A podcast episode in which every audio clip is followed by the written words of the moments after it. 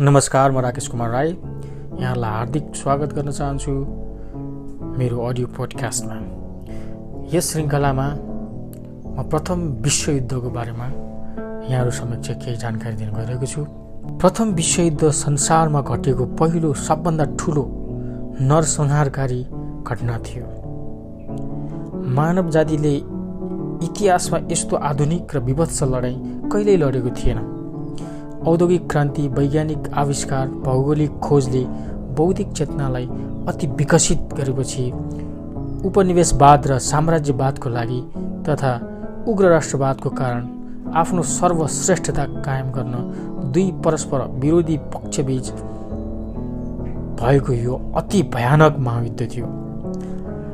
प्रत्यक्ष त यही लाग्दछ कि सेराजोवे हत्याकाण्डले युरोपलाई प्रथम विश्वयुद्धको आगोमा हो तर गम्भीर विवेचनाबाट स्पष्ट हुन्छ कि सबै ठुला राजनैतिक घटनाहरू नै यसका प्रमुख कारणहरू थिए। यी कारणहरूलाई दुई भागमा बाँड्न सकिन्छ। आधारभूत कारण र तत्कालीन कारण। आधारभूत कारणहरूमा निम्नलिखित रूपमा प्रमुख थिए। नम्बर एक गुप्त सन्धिहरू हुनु। प्रोफेसर एसबी फेका अनुसार प्रथम विश्वयुद्धको सर्वप्रथम कारण गुप्त सन्धिहरू थिए जो फ्रान्सको जर्मनी युद्धपछि सुरु भएका थिए। यी सन्धिहरूले युरोपलाई दुई विरोधी गुटमा विभाजित गरे। यी गुटहरू सधैँ एक अर्कालाई शङ्काको दृष्टिले हेर्थे। त्यसकारण सबै आफ्ना सेना बढाउने तर्खरमा लागे। जर्मनीको स्थल र जल सेनाको बढिरहेको शक्ति देखेर ब्रिटेन चिन्ताग्रस्त हुन थाल्यो। अत इङ्ल्यान्डले पनि जर्मनी अस्ट्रिया र इटाली त्रिगुटका विरुद्ध फ्रान्स र रुसद्वारा बनाइएको गुटमा सम्मिलित भई त्रिराष्ट्रिय सम्झौताको रूप प्रदान गर्नु पर्यो यस्तो स्थितिमा एउटा सानो घटनाले पनि युद्धाग्निलाई प्रज्वलित गर्न सक्दथ्यो। दोस्रो प्रोफेसर मेन्सरका अनुसार गुप्त सन्धि व्यवस्थालाई युद्धका लागि उपयुक्त ठान्नु यस व्यवस्थालाई जरुरतभन्दा बढी महत्त्व दिनु हो। एक प्रकारले हेऱ्यो भने यस गुप्त सन्धि व्यवस्थाले शान्ति स्थापनाका लागि केही मात्रामा सहायता गर्यो। किनकि प्रत्येक गुटका सदस्य आफ्ना मित्र राष्ट्रहरूलाई केही न केही नियन्त्रणमा राख्दथे। यसका साथै प्रत्येक गुटका सदस्य आफ्नो मित्र राष्ट्रलाई केही न केही नियन्त्रणमा राख्दथे। यसका साथै प्रत्येक गुटका सदस्यहरू एक अर्कालाई यस्ता विषयमा सहायता दिन वचनबद्ध थिए जसमा आफ्नो कुनै प्रकारको प्रत्यक्ष स्वार्थ थिएन किनकि सहायता नदिनुको अर्थ आफ्नो गुटलाई कमजोर तुल्याउनु थियो। जर्मनी बाल्कन राजनीतिमा अस्ट्रेलियालाई सहायता गर्न वचनबद्ध थियो। सहायता नदिएमा जर्मनीलाई आफ्नो विश्वासी मित्र गुम्ने डर थियो। यस्तै प्रकारले बाल्कनमा फ्रान्सको कुनै राजनैतिक स्वार्थ थिएन तर पनि रुसको सहायताको लागि ऊ सधैँ तयार रहन्थ्यो। इङ्ल्यान्ड पनि फ्रान्सलाई छाड्न सक्दैनथ्यो अस्ट्रेलियालाई जर्मनीले छाड्न सक्दैनथ्यो रुसलाई फ्रान्स र इङ्ल्यान्डले समर्थन गर्नेछन् भन्ने विश्वास थियो। यस प्रकारले युद्ध प्रारम्भ हुनमा यी कारणहरू प्रशस्त सहायक भए। अर्को कारण सशक्तिकरणको होड मच्चिनु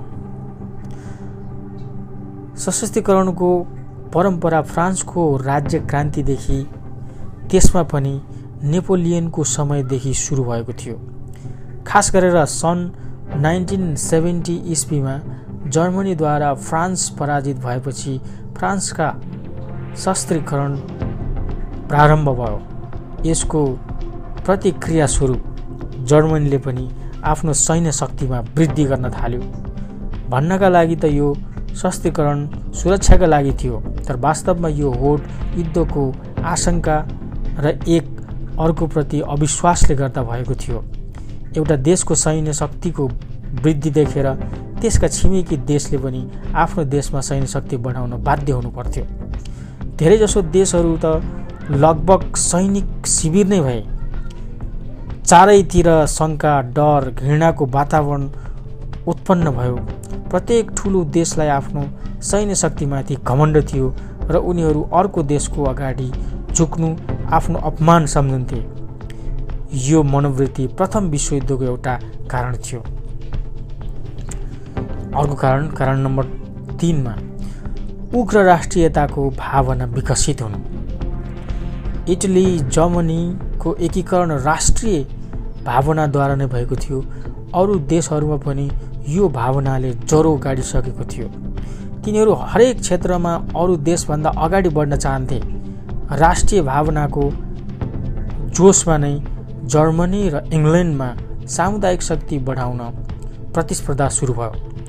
राष्ट्रियताको कारणले नै फ्रान्स एन्सेस र लोरेन प्रान्तलाई लिन चाहन्थ्यो जसले गर्दा ऊ जर्मनीको शत्रु भइरह्यो।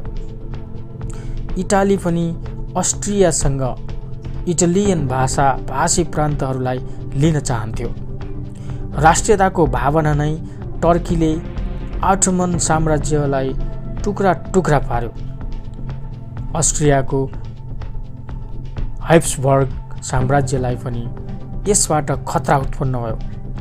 राष्ट्रियताको नाममा नै यस सरी राष्ट्रियताको नाममा नै सन् नाइन्टिन टुवेल्भदेखि नाइन्टिन थर्टिन इस्वीमा बाल्कन युद्ध भयो। त्यस युद्धले नै प्रथम विश्वयुद्धलाई निम्तायो कारण नम्बर चार अर्को कारण आर्थिक विकासको क्षेत्रमा होडबाजी बढ्नु।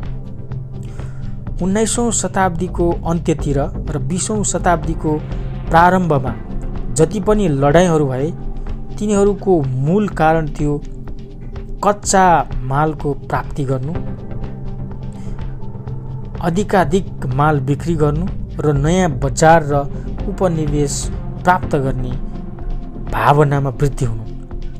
सन् नाइन्टिन फोर्टिन इस्वीको लडाइँको बिस वर्ष पहिले जति पनि लडाइँ भएका थिए ती सबैमा यो कुरा पाइन्थ्यो। उद्योग र व्यापारको क्षेत्रमा जर्मनी कुशलतापूर्वक अगाडि बढिरहेको थियो। यसबाट इङ्ल्यान्डमा डर भयो कि ऊ संसारमा व्यापारिक विस्तारको क्षेत्रमा जर्मनीद्वारा पराजित नहोस्। यस भावनाले गर्दा दुवै देशमा शत्रुता बढिरहेको थियो र अरू देशहरू बिचमा पनि यस्तै प्रकारको होड चलिरहेको थियो। अर्को कारण कारण नम्बर फाइभ साम्राज्यवादी भावनामा वृद्धि हुनु। तत्कालीन साम्राज्यवादी नीतिअनुसार युरोपका प्रत्येक देश युरोपमा मात्र होइन अन्य देशमा पनि आफ्नो प्रभुत्व जमाउन चाहन्थे। इङ्ल्यान्ड फ्रान्स रुस सबैले आफ्नो उपनिवेश स्थापित गरेका थिए र जर्मनी मात्र यस क्षेत्रमा पछाडि परेको थियो।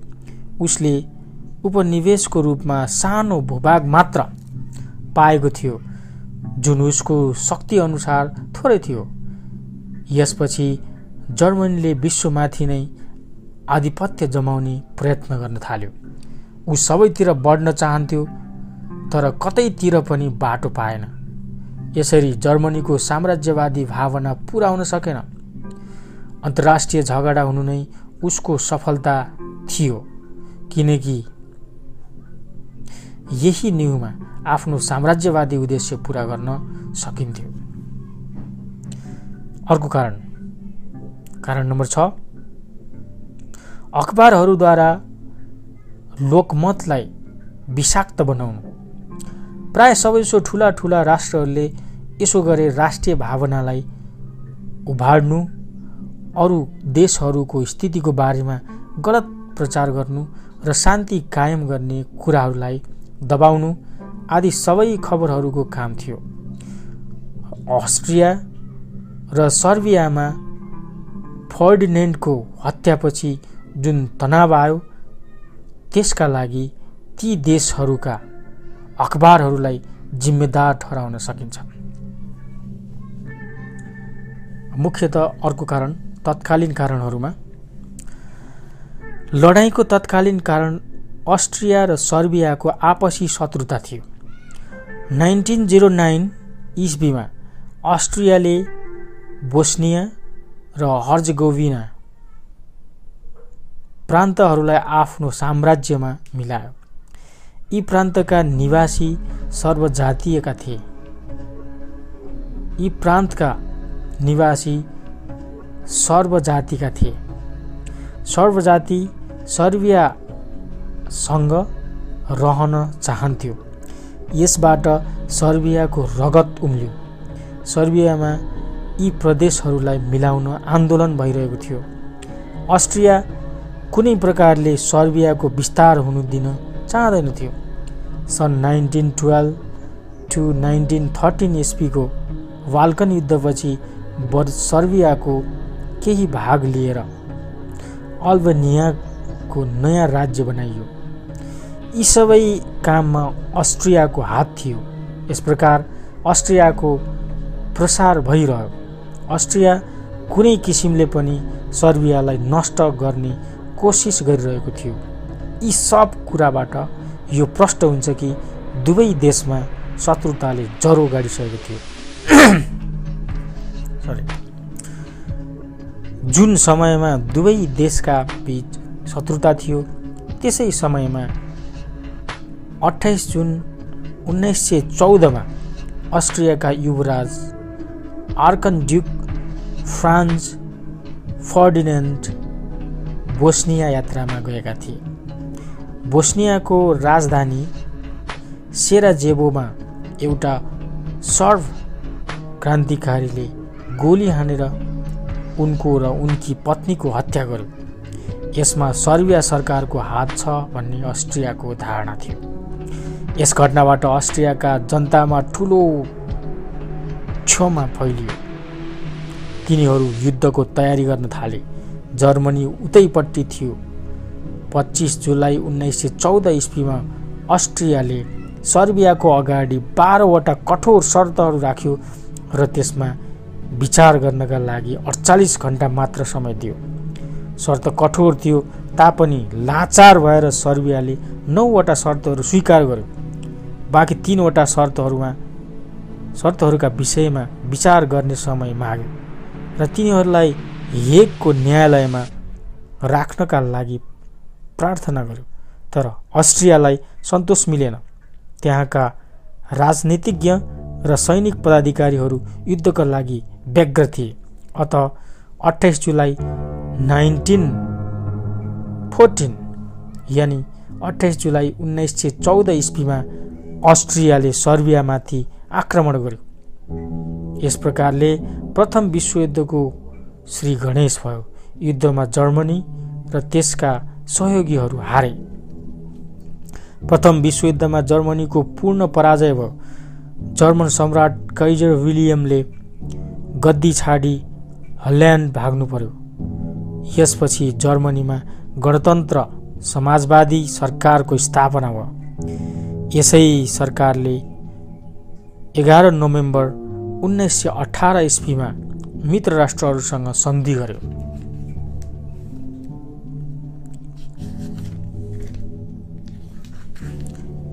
पेरिसको शान्ति सम्मेलन। युद्धको समाप्तिपछि युरोपेली राजनीतिज्ञहरूका अगाडि अनेक प्रकारका सामाजिक आर्थिक तथा राजनीतिक समस्याहरू उपस्थित भए जसको समाधान गर्न नितान्त आवश्यक थियो। ती समस्याहरू थिए। ती समस्याहरू निम्नलिखित थिए। नम्बर एक प्रथम विश्वयुद्धमा धन जनको अपार क्षति भएको थियो अत त्यसको विवरण कुन प्रकारले पेश गर्ने? नम्बर दुई यस युद्धमा धेरै राष्ट्रहरूले जर्मनीको पक्षबाट भाग लिएका थिए। तिनीहरूको पराजय भएको थियो अत ती देशहरूसँग कस्तो प्रकारको सन्धि गर्ने? नम्बर तिन यस प्रकारले प्रथम प्रबन्ध गरियोस् कि भविष्यमा पुनः भयङ्कर युद्धको सामना गर्नु नपरोस्।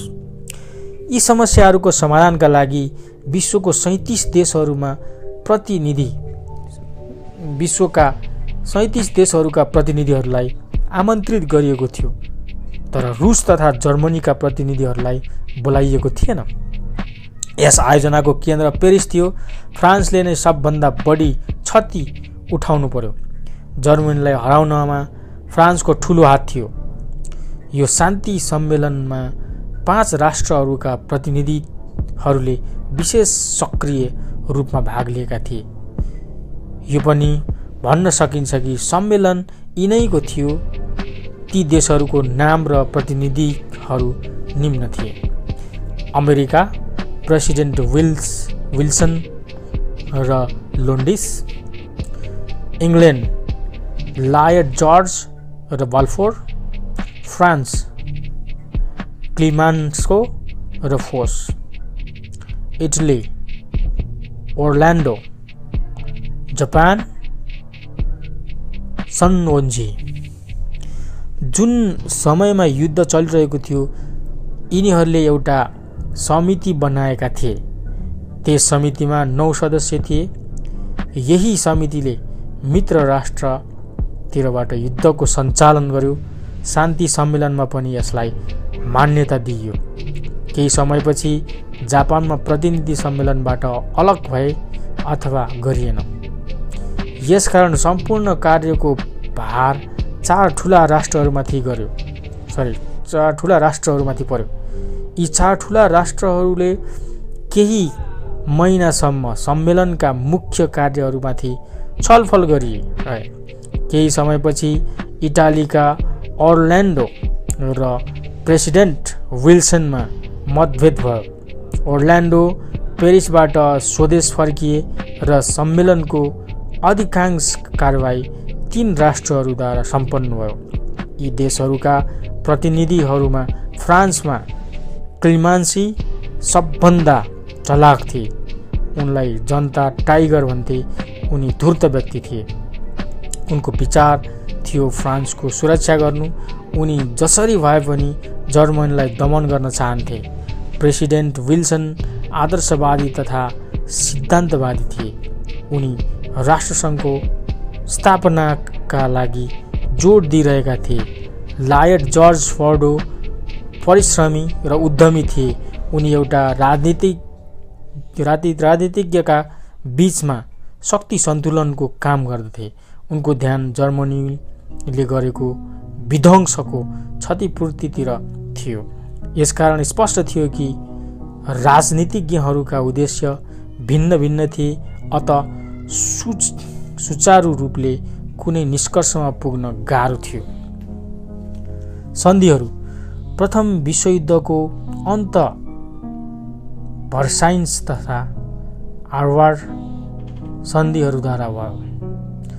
यी चार सन्धिहरूमा जोड दिइएको थियो कि राष्ट्रसङ्घ लिग अफ नेसन्स तथा थाई अन्तर्राष्ट्रिय न्यायालयको स्थापना गरियोस्।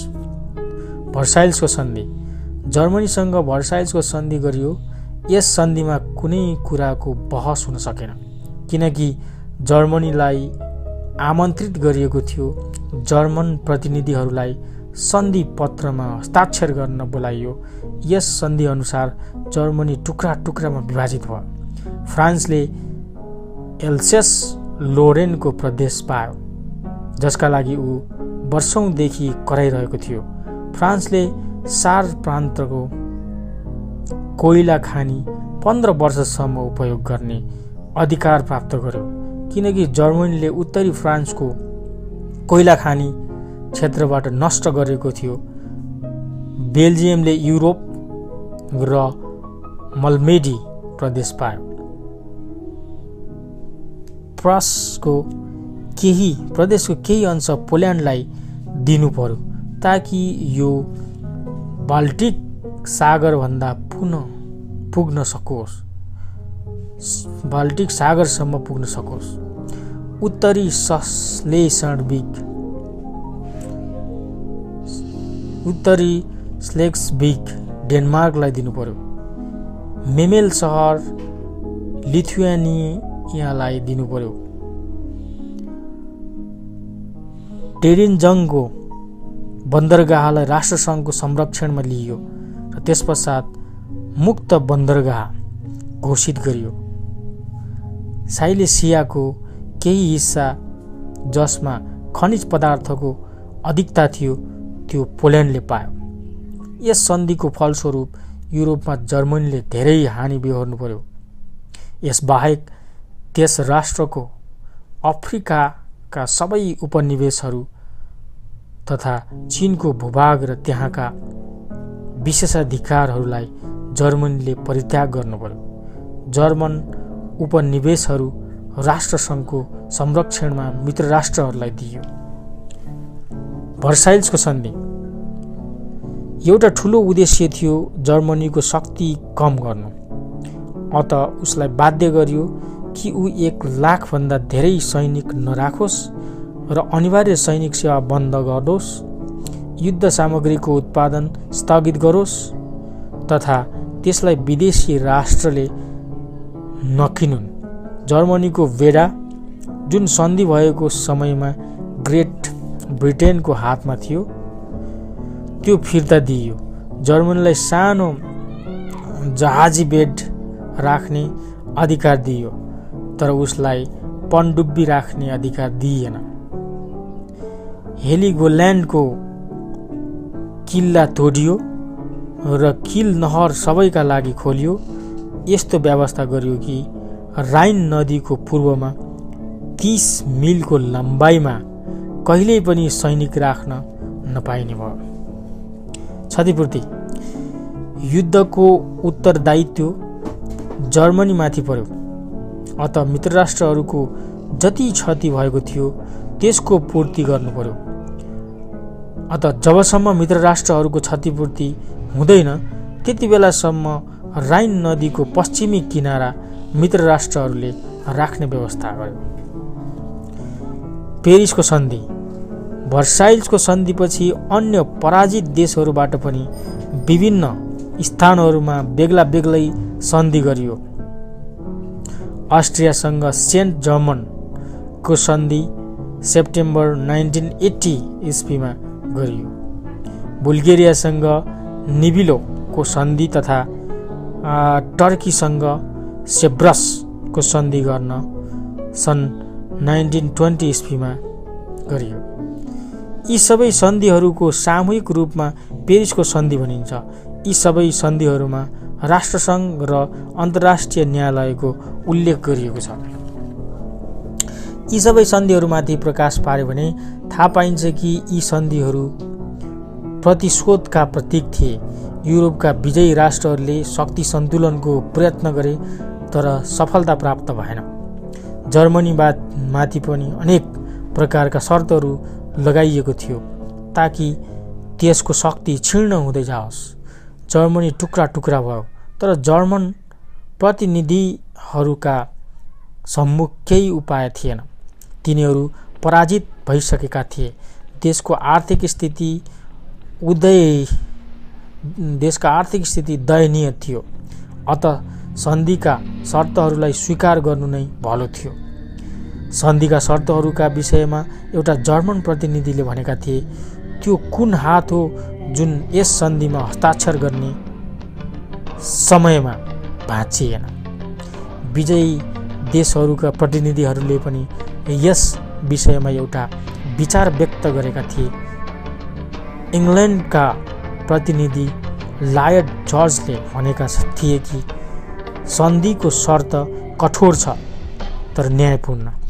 मार्शल फोर्सले भविष्यवाणी गरेका थिए कि सन्धि होइन बिस वर्षका लागि विराम यात्रा मात्र हो। यस सन्धिबाट क्लिमासो प्रसन्न थिए। उनले पूर्ण रूपेण जर्मनीको दमन गरे। उनी यस कुराबाट सन्तुष्ट थिए कि बिस्मार्कद्वारा सन् अठार सय एकहत्तर इस्वीमा फ्रान्सको जुन उपमान अपमान गरिएको फ्रान्सको जुन अपमान भएको थियो त्यसको बदला लिन उनी सफल भएका थिए। राष्ट्रियताको अवहेलना। युरोपमा भूमिको विवरण राष्ट्रियता र आत्मनिर्णयको आधारमा हुन्थ्यो। एउटा भाषा बोल्ने र एउटै संस्कृतिमा हुर्किएका जनताले आफ्नो बेग्लै राज्य स्थापित गर्थे। त्यसै आधारमा निर्मित अस्ट्रियाका साम्राज्य नष्ट भयो। चेकोस्लाभि चेकोस्लाभाकिया युगोस्लाभिया आदि नयाँ राष्ट्रहरूको उत्पत्ति भयो। राष्ट्रियताको कारणले नै पोल्यान्डको पुनस्थापना भयो र इटलीको विस्तार भयो। तर पेरिसको सन्धिमा राष्ट्रियता र आत्मनिर्णयको आधारमा काम हुन सकेन। फलस्वरूप धेरै राष्ट्रहरूले अरू राज्यको अधीनमा रहनु पर्यो। प्रतिशोधको भावना। सन्धि सम्मेलनमा दुई प्रकारको भावनाले काम गरिरहेको थियो। एकातिर अमेरिकाका राष्ट्रपति विल्सनको आदर्शवादमाथि जोड दिएको थियो भने अर्कोतिर मित्र राष्ट्रहरूको स्वार्थले काम गरिरहेको थियो। तिनीहरू भूमि चाहन्थे आर्थिक लाभ चाहन्थे। तिनीहरूको इच्छा थियो कि पराजित शत्रुबाट भविष्यमा कुनै खतरा उत्पन्न नहोस्। आदर्शवादमा पुजारी आदर्शवादका पुजारी विल्सनले चौध प्रशस्त चौध प्रस्ताव राखे ताकि एकले अर्कोलाई शोषण नगरोस्। जर्मनी हारपछि मित्र राष्ट्रहरूमा स्वार्थपूर्ण भावना जाग्यो र उनीहरूले आदर्शवादलाई छाडे। सन्धिका शर्तहरूबाट स्पष्ट हुन्छ विजयी राष्ट्र जर्मनीलाई दबाउन र आफ्नो स्वार्थ पुरा गर्न आकुल थिए। युरोपमा जर्मनीको सीमा छोटो गरियो। त्यसको उपनिवेशको अपहरण गरियो। त्यसलाई गरिब र निशस्त्र बनाइयो। अस्ट्रियालाई पुर्तगालभन्दा पनि सानो बनाइयो। टर्कीलाई पूर्णतया कमजोर परि पारियो।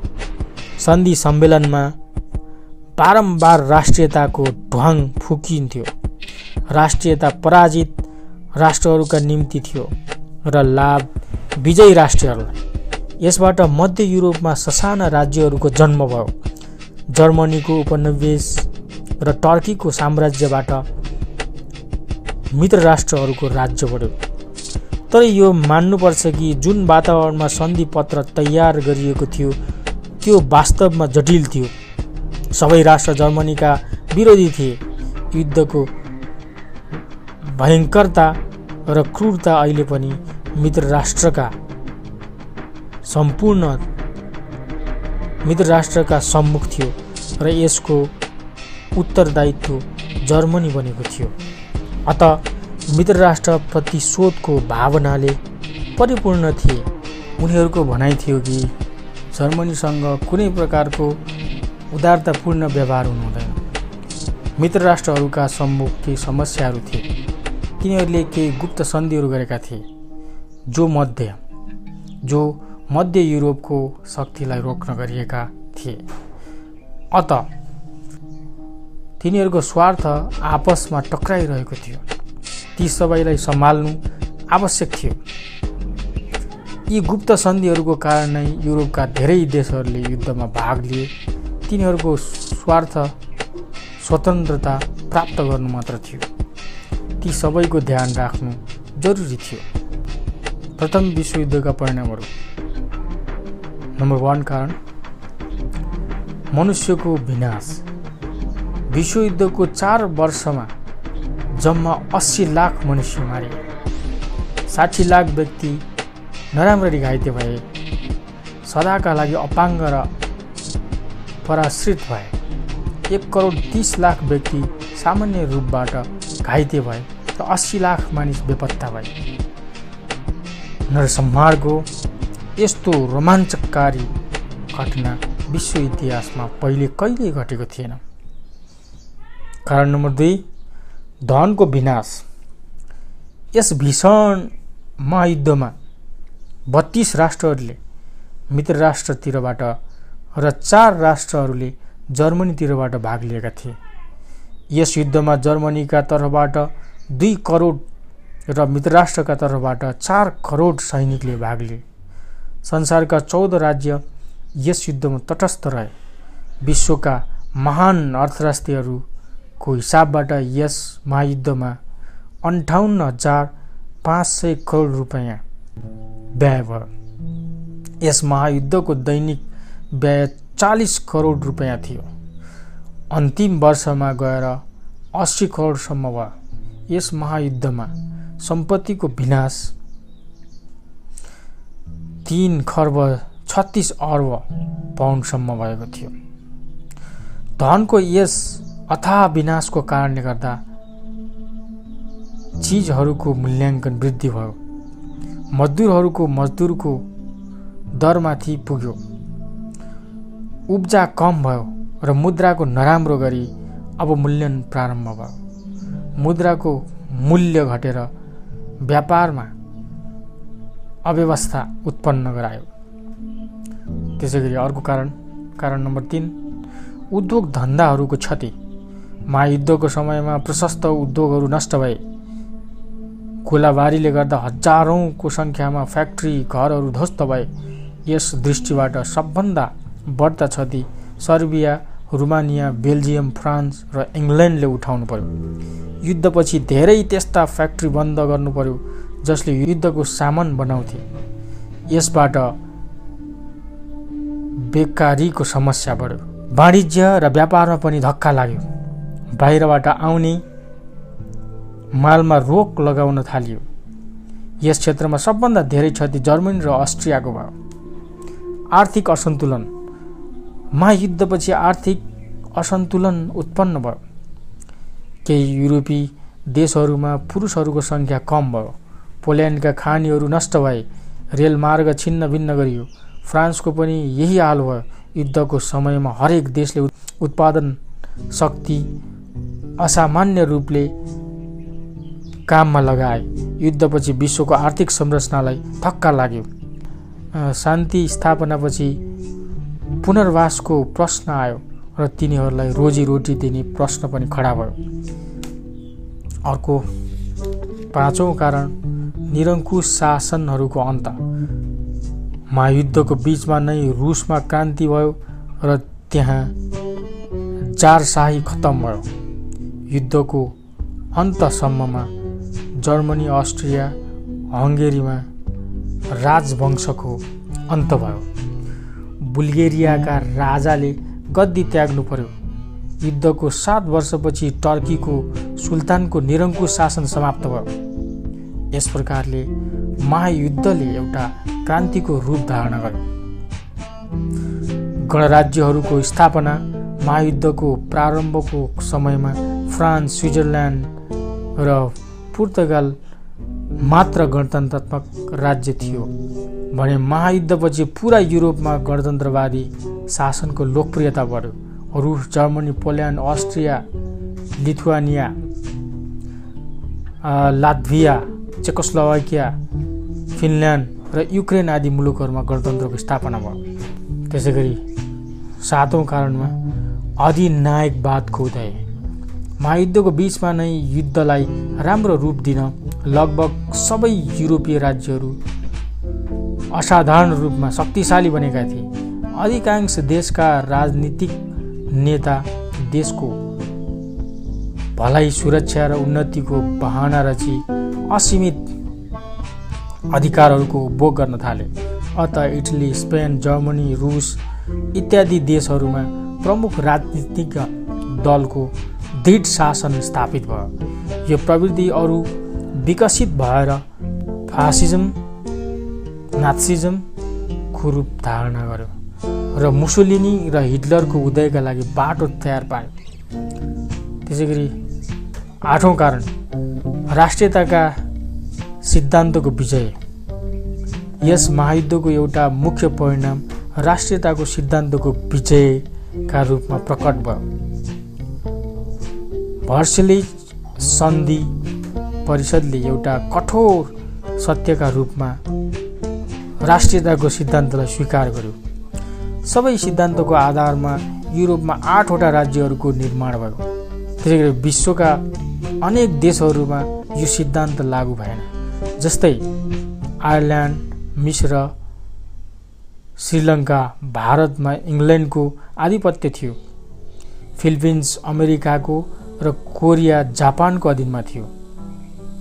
अफ्रिकामा युरोपेली राष्ट्रहरूका ठुला ठुला उपनिवेशहरू थिए। यिनीहरूको मुक्ति दोस्रो विश्वयुद्धपछि मात्र सम्भव भयो। चिनको भूभागमा पनि जापानी कब्जा थियो। त्यसै गरी नौ कारण यस युद्धले प्राय सम्पूर्ण संसारलाई प्रभाव पार्यो। यस युद्धले संसारका ठुला ठुला साम्राज्यहरूलाई नष्ट गर्यो। अस्ट्रिया हङ्गेरी र अटोमन साम्राज्य नष्ट भए। संसारको राजनैतिक सैनिक र आर्थिक गुरुत्वाकर्षणका केन्द्र संयुक्त राज्य अमेरिका बन्यो। युरोपका केही मुख्य देश यस युद्धमा नष्ट भए। अर्कोतिर एसियामा जापान एउटा ठुलो शक्तिशाली साम्राज्यवादी देश भएर अगाडि आयो र कोरिया तथा चिनमा आफ्नो प्रभुत्व कायम गर्यो। त्यसै गरी दसौँ कारणमा सामाजिक परिणाम। यस महायुद्धपछि राजनैतिक क्षेत्रमा श्रमिक वर्गको महत्त्व थियो धेरै बढ्यो। यस महायुद्धपछि राजनैतिक क्षेत्रमा श्रमिक वर्गको महत्त्व धेरै बढ्यो। रुसमा पुरानो सामाजिक व्यवस्थाको एकदमै अन्त भयो। सामाजिक सुधारहरूको काम जोडतोडका साथ हुन थाल्यो। अन्तर्राष्ट्रिय मजदुर सङ्गठन बन्यो। स्वास्नी मानिसहरूले पनि आफ्नो अधिकारका लागि लड्न सुरु गरे। विभिन्न देशका मानिसहरूको युद्धमा सहायता गरेका गरेको हुँदा तिनीहरूका बिचमा सहयोगको भावना जाग्यो यसरी अन्तर्राष्ट्रिय भातृत्वको भावनामा वृद्धि भयो।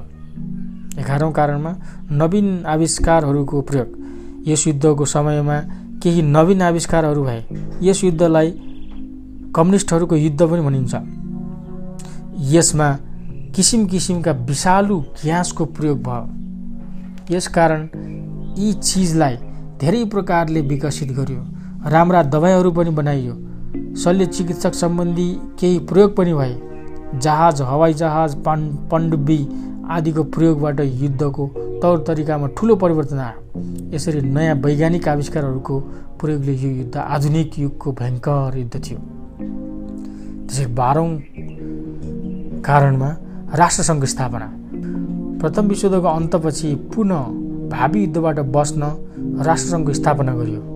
अमेरिकी राष्ट्रपति बुडो विल्सको अमेरिकी राष्ट्रपति बुड्रो विल्सनको महत्त्वपूर्ण देन यसको स्थापनामा रह्यो। यसको उद्देश्य विश्वमा थायी रूपले शान्ति कायम गर्नु थियो। यसरी यस श्रृङ्खलामा हामीले प्रथम विश्वयुद्ध हुनका कारणहरू र विश्वयुद्धका परिणामहरूको विषयमा चर्चा गरौँ। यहाँहरूलाई यो मेरो पोडकास्ट कस्तो लाग्यो तपाईँहरूले कमेन्ट बक्समा कमेन्ट गर्न सक्नुहुनेछ। यसै गरी